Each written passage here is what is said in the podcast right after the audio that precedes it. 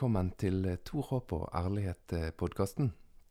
I dag skal du få møte Tuva Lise Odberg. Det er en kunstner som eh, jeg ble kjent med for noen år siden.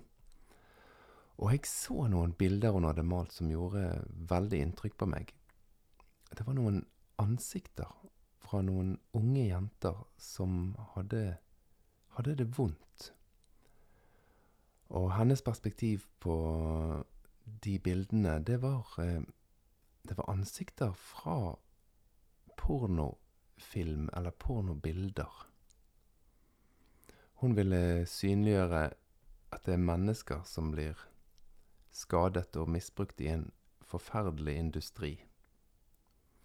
Og da husker hun sa til meg at ja, for det er jo ikke så interessant å snakke om synd overfor Gud eller noen sånne ting når du snakker om hvorfor en ikke skal støtte opp under denne industrien. Det er jo snakk om hva som blir gjort mot ekte mennesker. Da spurte jeg om hun ville være med i podkast, men det passet aldri.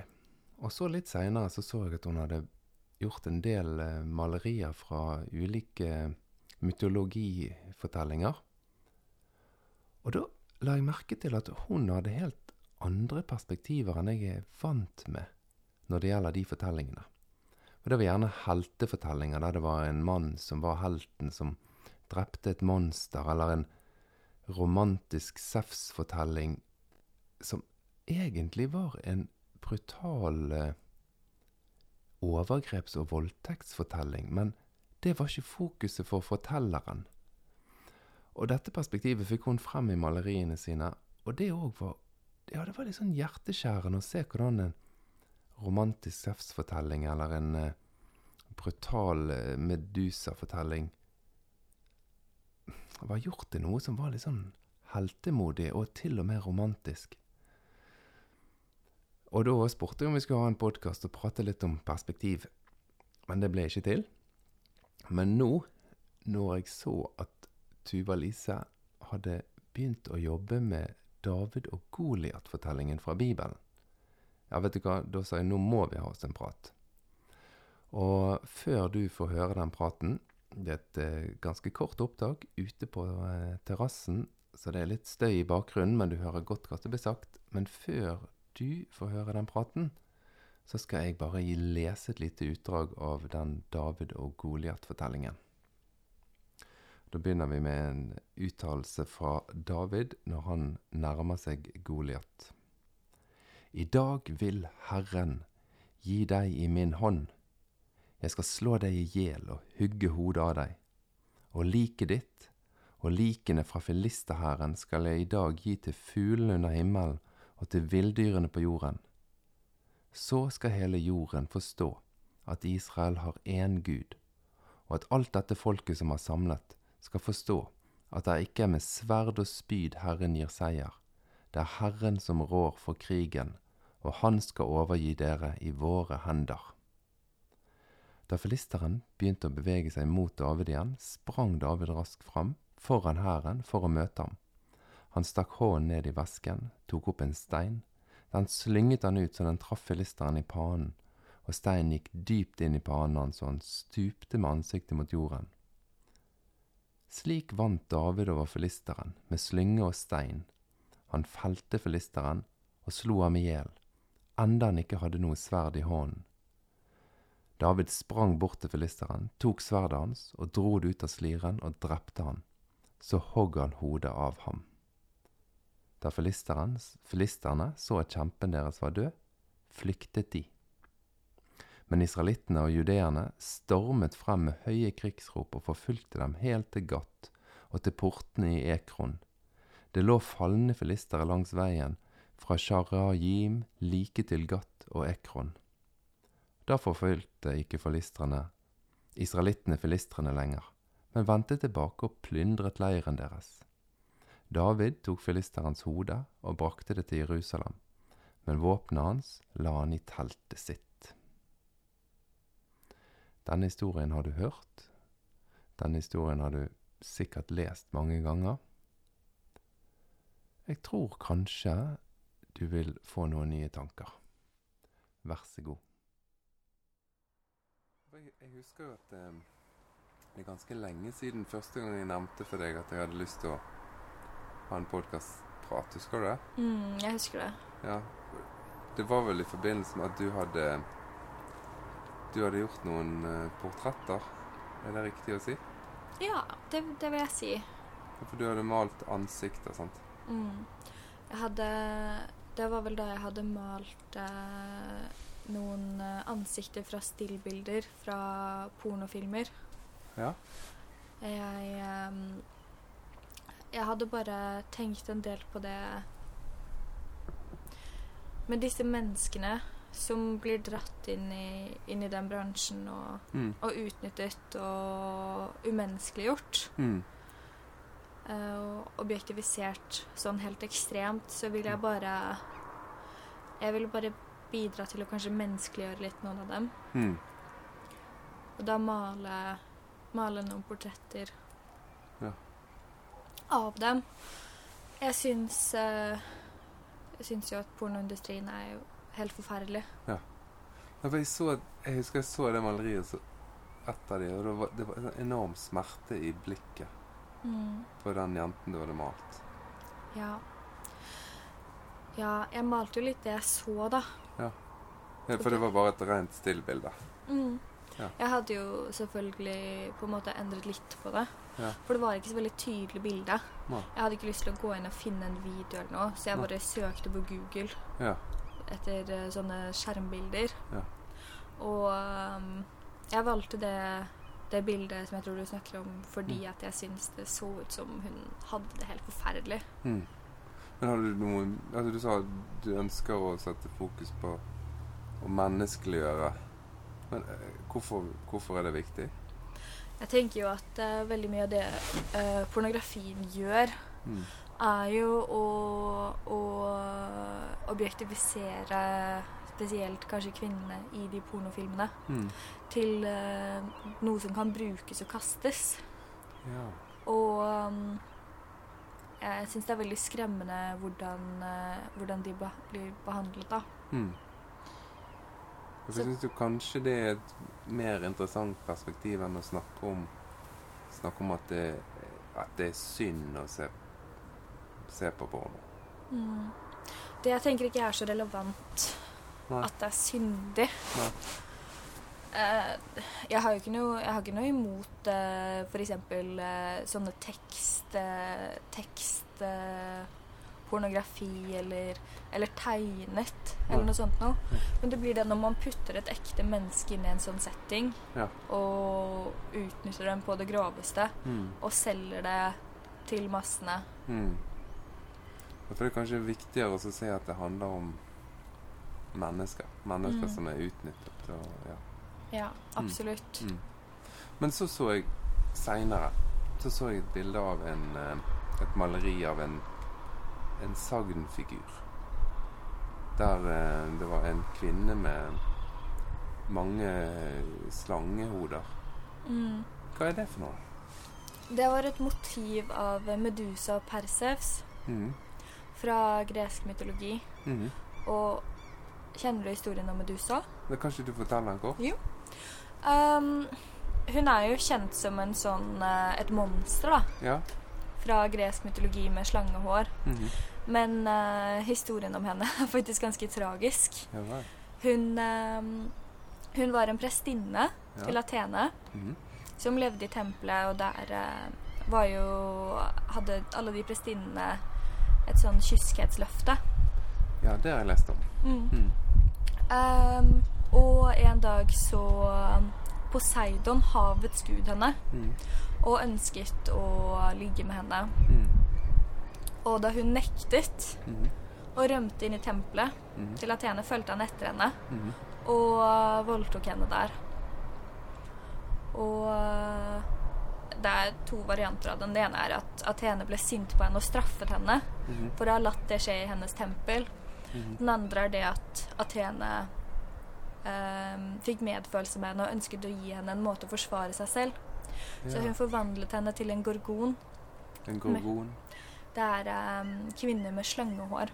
Ja. Medusas søstre var gorgoner. Ja. Så hun fikk slangehår, men også med det så fikk hun et blikk som kunne gjøre folk til sten. ja. Så hvis hun så noen i øynene, så ble de forvandlet til sten. Og Medusa dro av gårde til, for å bo på en, eh, en øy Mm. for seg selv. Mm. Um, jeg vil tro at hun kanskje bare ønsket å være i fred, Mhm. som er veldig forståelig. Ja. Men hun ble til slutt oppsøkt av Persevs, Ja. som da i en, eh, i en annen fortelling eh, dro ned dit og kuttet hodet av henne for å bruke det som et våpen, da. For å gjøre andre til sten. Og det er sånn heltefortelling om Perseus? Absolutt. Hun er um, definitivt framstilt som uh, skurken i historien. Hun som egentlig bare hadde avlagt Kyskhetsløftet eller Kyskhetsløftet heter det vel, Ja. og, og prøvde å rømme. Ja. Så blir hun voldtatt, og så blir følgene av den voldtekten det blir at hun blir gjort om til et monster. ja. Og hodet hennes etter hennes død ble jo brukt som et, eh, som et trofé, da. Noe du kunne bruke til å gjøre andre til sten. Det er merkelig at det er blitt en heltehistorie, da, av at en mann ødelegger eller dreper det monsteret. For hun var vel egentlig et offer. Ja. Jeg tenker jo det kommer jo veldig an på eh, perspektivet og måten du fremstiller det på. Mm. For noen vil jo kunne påstå at Persevs, som ikke hadde denne kraften til å forvandle folk til sten, Mm. var nesten underdogen i historien. Og at Medusa var monsteret, for Ja. hun kunne forvandle folk til sten. Mm.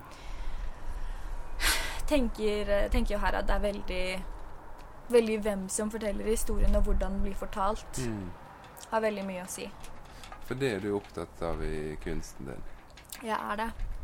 Hvem som forteller fortellingen. Mm. Ja. Spesielt om, eh, om kvinner Ja. og om andre, Ja. så er eh, så er fremstillingene ofte veldig negative. Nå har jo du gjort en gjennomgang av fortellingen om David og Goliat. Mm. Holder du på med den, eller er du, er du, har du fullført det prosjektet? Jeg har jobbet en stund med det. Jobber Mm. ikke med det akkurat nå, men jeg tenker kanskje å, tenker kanskje å jobbe litt videre med det senere. Mm. Er det lov å dele noen av skissene av det du har gjort på Facebooken etter, etter podkasten er lagt ut? Ja, absolutt. Mm. Så da kan lytterne få se, se det du Men det er skisser, eller er det Det er, eh, eh, til David og Goliat mye skisser. Ja. De andre er jo ferdige malerier, da. mm. Men ja, absolutt. Ja. Men, men når du David og Goliat-fortellingen er jo en ganske sånn ferdigfortalt og ferdigtolket historie, kjenner jeg da. Jo, den er jo kanskje det. Men eh, folk driver jo fortsatt og leser og tolker Bibelen igjen og igjen. Ja. Jeg tenker, hvorfor skal ikke jeg gjøre det òg? ja. Men, men David Goliat-uttrykket det brukes jo i alle mulige sammenhenger der det er en underdog. Mm. Altså alt fra fotballkamper til eh, jeg vet ikke, eh, forretningsliv der en liten nystartet business eh, overvinner eh, et eller annet stort selskap og, og tar markedsandeler. Så er David Goliat en innarbeidet story om at den svake part helt overnaturlig vinner en kamp mot mot, et, mot en stor overmakt, ikke det sånn? Jo. Folk, folk er veldig glad i å se seg selv som en underdog. Mm. Veldig glad i å heie på, heie på underdogsene. Ja, ja vi gjør, jeg merker det. Altså, Mm. så, hvis det er et fotballag som spiller der jeg ikke har noe forhold til noen av klubbene eller landslagene, så merker jeg at jeg ganske ofte håper på at den som ingen forventer skal vinne, at den vinner. Ja, Mm. absolutt. Nei, jeg har jo tenkt litt på det med David og Goliat. Mm. Og jeg kom til å lese litt av historien på nytt for en stund siden. Mm. Der står det jo om at eh, Goliat er en kjempe Ja. som David eh, ja, beseiret med en slynge. Mm. Som på den tiden var et ganske dødelig våpen hvis du er en gjeter som Mm. er vant til å bruke slynge for å sende vekk ulver. Mm. Så er du ganske treffsikker. Mm. Så hvis du har godt sikte med den, så, så er det jo ikke så vanskelig å ta livet av noen, Nei. tenker jeg. Nei. Og kjemper Jeg tenker ikke at, eh, jeg tenker ikke at uh, Goliat var en kjempe. Jeg tenker at Goliat var en mann. Ja. Sånn som David. Hmm. Det um, Men historien høres jo mye finere ut gjenfortalt som at Goliat var en kjempe, da. ja det da gjør vi i hvert fall. Ja. At vi gjør noen grupper eller enkeltpersoner om til til en kjempe. Mm. Det er ikke så uvanlig. Absolutt ikke. Har du noen tanker om hvorfor? Ja um, Det er jo uh, Hvis man tenker på seg selv som den lille, og på de andre som de store, mektige, så Så er det kanskje mindre fælt å skulle Å skulle ta fra de andre og drepe de andre hvis de på en måte allerede anses som veldig mektige. Ja. Jeg tenker jo um, Jeg tenker jo uh, for eksempel på um, På hvordan uh, kristne små grupper uh, behandler homofile, da. Mm. At selv om de homofile er en liten gruppe i en Mm. kanskje ganske mektig menighet, Hmm. Så er jo djevelen som står bak de homofile, veldig mye Mm. mektigere enn den menigheten uansett. Ja. Så da er jo de underdogs i møte med synden. Mm. Også hvordan eh, kvinner ble brent som hekser. Ja.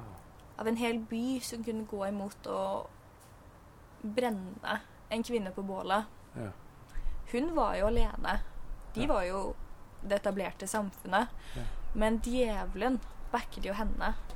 Ja. Så folket var jo underdogsen mot djevelen. Og kunne feire det at de tok livet av henne som en seier mot det store onde. Men tenker du det er det som skjer i den uh, David Goliat-fortellingen? Jeg tenker at uh, Jeg tenker at uh, historien om David og Goliat er en historie om en konge som dreper en annen og tar over hans område. Hmm. Og kanskje ønsker å, å framstille det mer positivt for seg selv. da.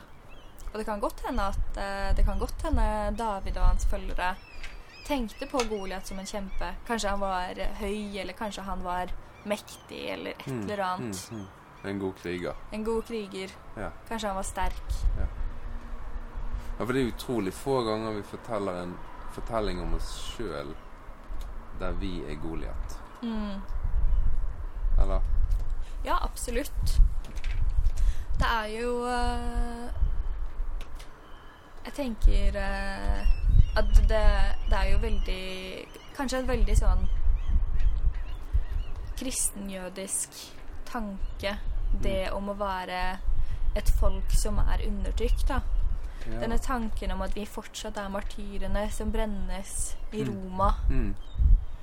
Eller fortsatt er Fortsatt er eh, Ja. Vi holder liksom med Holder liksom med den gamle tanken om å være forfulgt, da. Ja. Som er eh, jeg, jeg føler det sitter veldig igjen i kulturen. ja. Jeg har tenkt mye på det som du sier nå. At vi har en eh, At jeg som kristen har en identitet av å være en forfulgt gruppe. Men så har jeg ikke helt fått det til å Jeg får ikke det helt til å gå i hop i det norske livet, eller det norske samfunnet i det hele tatt. Jeg, jeg ser at i noen land har de som er kristen, en forferdelig situasjon. Mm. Det er ingen tvil om. Altså, Ja. Der de er en minoritet som virkelig blir plaget. Men så ser jeg også når jeg leser Vårt Land, Dagen, andre blader aviser som jeg har en si, en, en kristen formålsparagraf, eller hva du skal si. um, så lager vi ofte oss sjøl noen sånne forfølgelseshistorier. Ja. At, at nå er det liksom blitt så vanskelig. Um, nå er trosfriheten truet, osv. Så, videre. så lager vi oss sjøl en sånn Goliat-historie. Det har jeg tenkt eh, mange ganger at vi gjør. At vi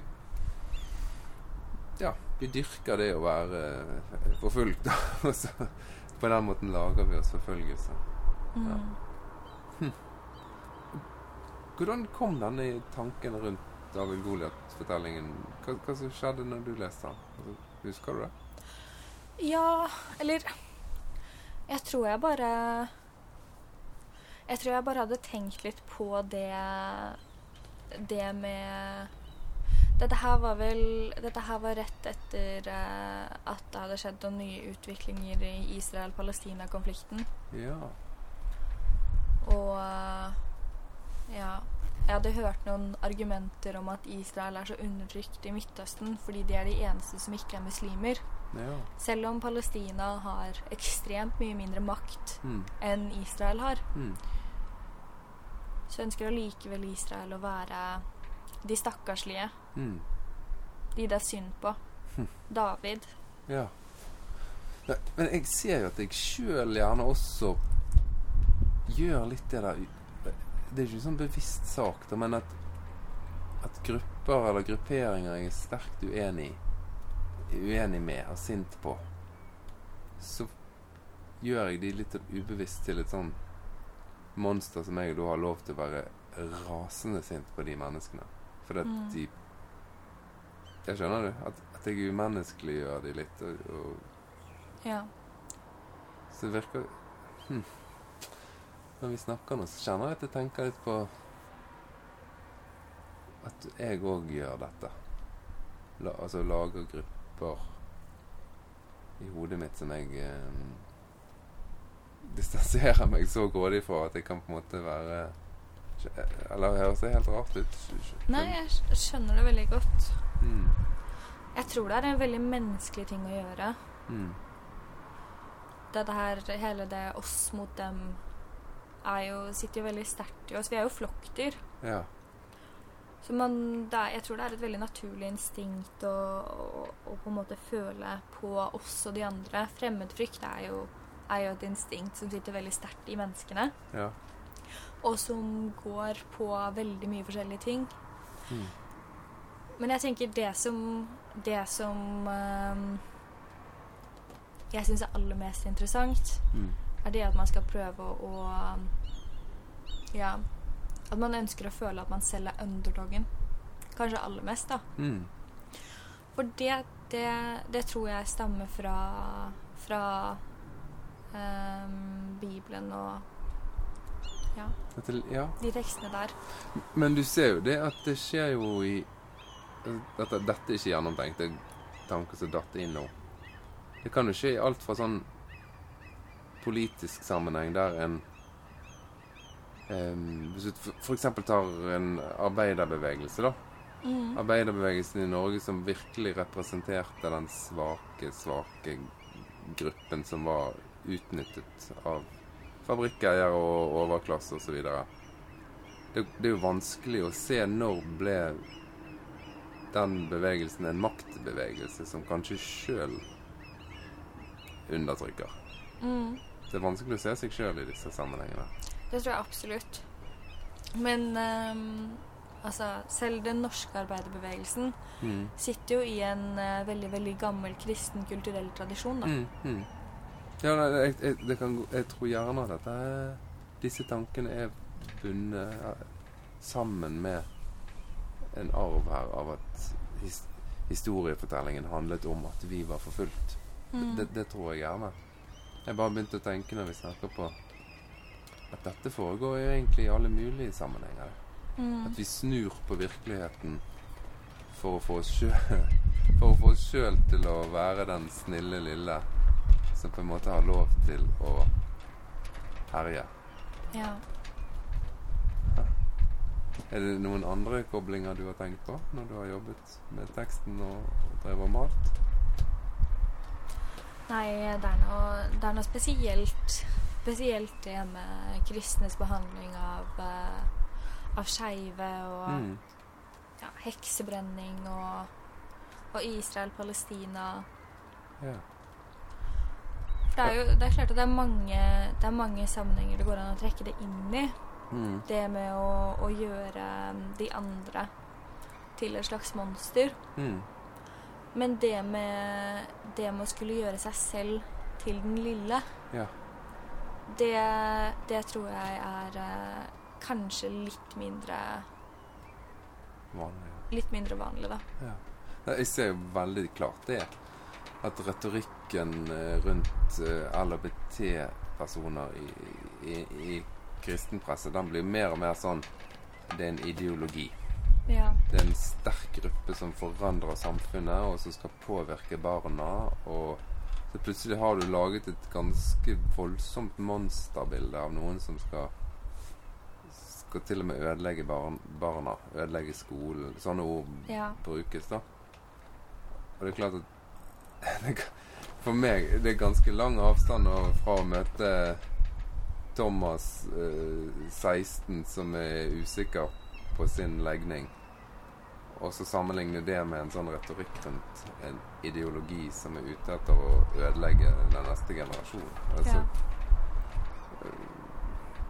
er ikke Du får en veldig avstand til Thomas 16 eh, hvis du tenker sånn. Absolutt. Så dette var for meg veldig en veldig sånn øyeåpner. Og den historien som du nå maler, den er jo skrevet av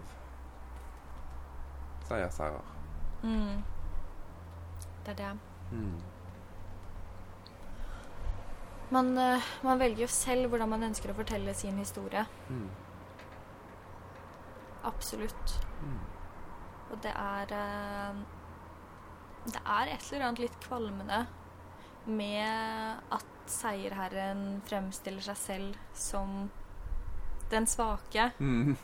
Nettopp fordi at hvis de faktisk hadde vært svakest, Mm. så hadde de jo ikke vunnet. Nei, og da hadde ikke de skrevet historien. Nei. Selv om David kanskje var svakere fysisk enn Goliat, Mm. så hadde han jo dette veldig dødelige våpenet slyngen, Mm. som med presisjon er absolutt et mordvåpen. det er bare sånn Åh, jeg kjenner en historie som jeg skal lese eh, etter denne podkasten nå. Ja. Um, som kommer fra dommerboken. Den forteller litt om eh, hva si, det jødiske folkets uh, overtagelse av landområder. Mm. Og hvordan det foregikk. For der opplever jeg en sånn veldig ærlig fortelling Ja. og motiver. Og da kan lytterne avgjøre sjøl. Den passer ikke helt med David og Goliat-fortellingen og den fremstillingen. Tusen takk skal du ha. Takk selv.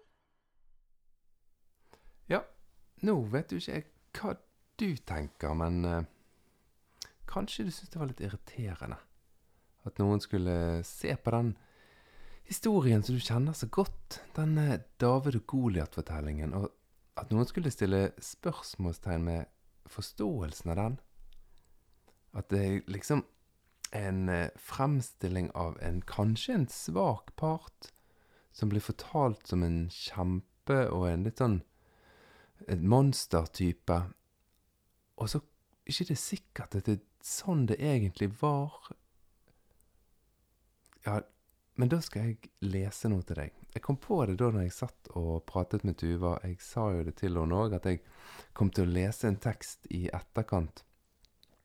For det er en tekst som jeg ikke får til å passe inn med denne her David-fortellingen. Det viser i hvert fall ulike perspektiver. For det, det er en fortelling i dommerboken, nemlig. Der det er snakk om en mann som heter Mika, som bor i en, annen av, en av eh, bygdene, eller de litt avsides eh, områdene i Kanan, i det lovede land. Og så er det en fortelling om Dan, altså Dans stamme, Dans etterkommere, at de er den ene stammen som ikke har fått seg et landområde. Sånn at egentlig så kunne jo det vært en like kjent fortelling, det. At den, den som het Mika mot Dan. Istedenfor David mot Goliat, så kunne fortellingen vært Mika mot Dan.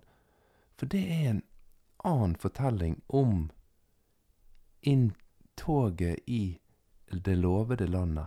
Og den er fortalt veldig annerledes. Hør, hør nå, nå kommer jeg til å lese en del, og kanskje noen kommentarer innimellom. Men jeg skal prøve å lese sånn at For du tenker kanskje ja, hva tror du om David Goliat-fortellingen da? Nei, det vil jeg kanskje ikke si, og kanskje ikke jeg tror noe, kanskje ikke jeg tenker helt endelig at Tuva har rett, eller at det jeg lærte på søndagsskolen var rett tolkning. Eh, kanskje det bare er veldig mange spørsmål, og kanskje det, fortellingen kan lære oss noe om måten vi lager fiendebilder. Men ja, nå skal jeg ikke konkludere. Sorry, nå holdt jeg på å gjøre det igjen. Og da skal jeg eh, lese deg, for deg fra um, kapittel 17 i Dommerboken. I Efraimfjellene bodde en mann som het Mika. Han sa til sin mor, De 1100 sjekel sølv som ble tatt fra deg, jeg hørte selv at du uttalte forbannelsen, de pengene er hos meg, det er jeg som har tatt den. Da sa moren, Herren velsigne deg, min sønn. Ja, og så er det en fortelling om hvordan han har noe penger som han bruker til å lage et gudebilde av. Og så kommer du til kapittel 18. I de dager var det ingen konge i Israel, og Dan-stammen lette etter et landområde der de kunne bosette seg, for de hadde ennå ikke fått noen eiendom blant stammene i Israel. Dans etterkommere sendte ut fem menn fra sin egen slekt og sine egne rekker. Tapre menn fra Sora og Eshatol. De skulle spionere i landet og utforske det. De sa til dem, gå av sted og utforsk landet. Mennene kom til Efraimfjellene, til Mikas hus, og overnattet der. Og I det forrige kapittelet, nå leste ikke jeg hele det, men der lærer vi at Mika han tar inn en israelittisk prest, en levitt, står det omtalt om. Han forbarmer seg over han og gir han jobb og husrom og et sted å tilhøre. Og nå kommer det altså noen israelittiske speidere til området der Mika bor. Og Mika, han er en urinnbygger. Han er som, ja, urinnvånerne i ja, samer eller uh, urinnbyggere i Amerika. Altså, han er urinnbygger i dette området. Og han har ansatt en prest og gitt han husrom. En prest som ikke hadde noe sted å høre til. Men da disse speiderne, i vers 3, da de var like ved Mikas hus, kjente de igjen stemmen til den unge presten, eller levitten som det heter her. Så tok de av fra veien og spurte han hvem har ført deg hit, hva gjør du her, og hvorfor er du her? Da fortalte han om alt det Mika hadde gjort for ham. Han har tatt meg inn i sin tjeneste, sa han, og jeg er blitt prest hos ham. Da sa de, spør Gud for oss, så vi kan få vite om den reisen vi er ute på, kommer til å lykkes. Presten svarte, Gå i fred, Herren våker over veien dere går på. Altså, en fortelling om at Herren våker over veien dere går på. Så dro de fem mennene videre og kom til Lajish. De så at folket som bodde der, levde sorgløst, på samme måte som sidonerne, og fredelig og sorgløst. Ingen som hadde makt i landet, gikk dem for nær.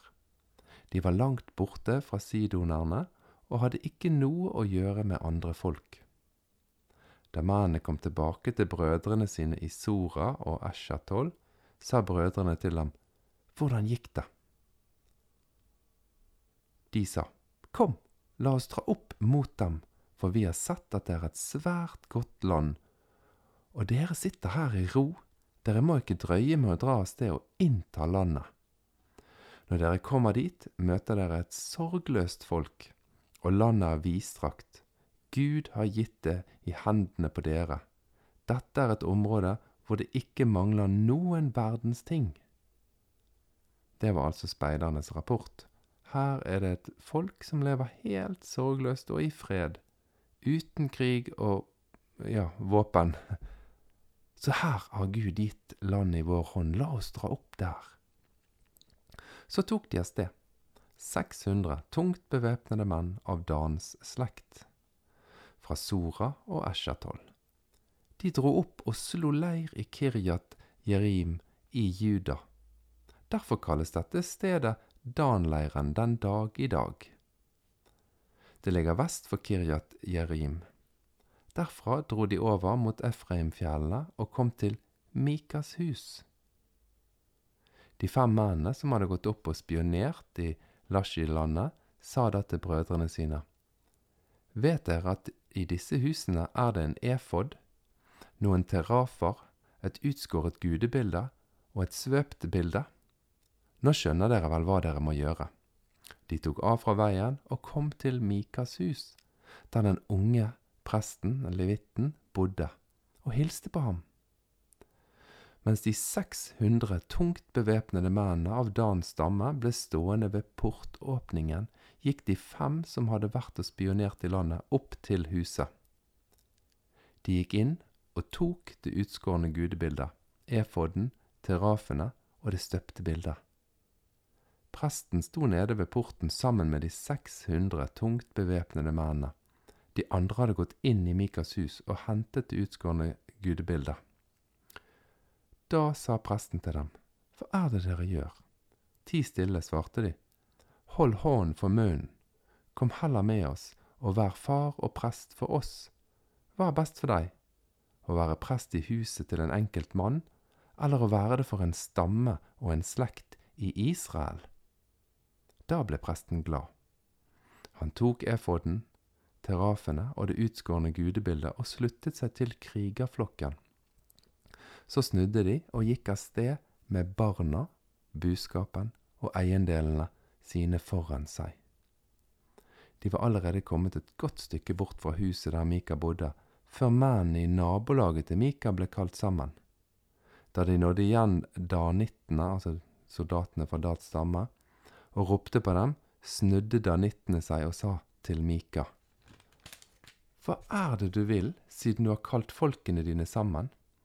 Han sa, Dere har tatt gudene mine som jeg har laget, og dratt av gårde med presten min. Hva er det igjen til meg? Og enda spør dere meg hva jeg vil? Da sa danittene til ham, Vi vil ikke høre et ord til fra deg, ellers kunne misfornøyde folk slå dere ned og drepe både deg og dine. Rimelig heftig maktovergrep, 600 soldater. Hinter til en mann som de har rundstjålet og tatt barn og buskap og alt ifra at hvis du vil leve, så bare la du oss beholde dette her. Så dro danittene sin vei, og da Mika så at de var for sterke for ham, snudde han og dro hjem igjen. Etter at de hadde tatt det som Mika hadde laget, og presten som var hos ham, gikk de mot Laish, altså den landsbyen der som speiderne hadde vært og mot det fredelige og sorgløse folket der. Folket hogg de ned med sverd. Byen brente de med ild. Og det var ingen som kunne hjelpe. For de bodde langt fra Sidona og hadde ikke noe å gjøre med andre folk. Byen lå i dalen ved Betrehob. De bygde den opp igjen og bosatte seg der. De kalte byen Dan, etter sin stamfar Dan som var sønn av Israel. Før het byen Laish.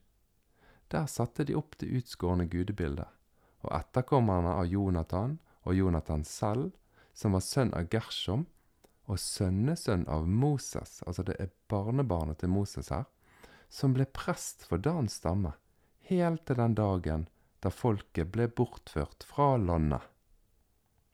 Det utskårne gudebildet som Mika hadde laget, bestående hos dem, så lenge Guds hus var i Kilo.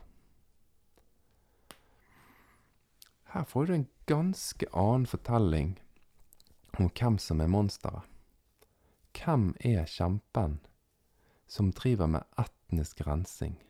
De finner en fredelig landsby, drar opp til den på Guds befaling. Gud har gitt landsbyen i deres hånd. En enorm overmakt de slakter ned hver eneste innbygger i landsbyen og brenner ned hele landsbyen. Og bygger den opp igjen og kaller den for Dans stamme. Hvis en sånn geriljakrigføring som dette her, og en sånn rensing og utsletting av andre grupper Hvis det er et noenlunde riktig bilde av hvordan det lovede landet ble inntatt, så er jo ikke det helt sikkert at uh, Tuva sin tanke om at det er en seiersherre som skal fortelle en historie om hvordan en ung gutt ble valgt av Gud og fikk krefter til å knuse et monster som ingen tørde å reise seg opp imot. Ja, det kan jo hende at hun har noen poenger her, da. Men jeg skal ikke si hva du skal tenke. Men kanskje du kan lese begge disse fortellingene og gjøre deg opp en liten mening sjøl. Du har nå i hvert fall én uke på deg. For da kommer det en ny episode med Tor, håp og ærlighet. Fredag klokken 07.00. Vi høres.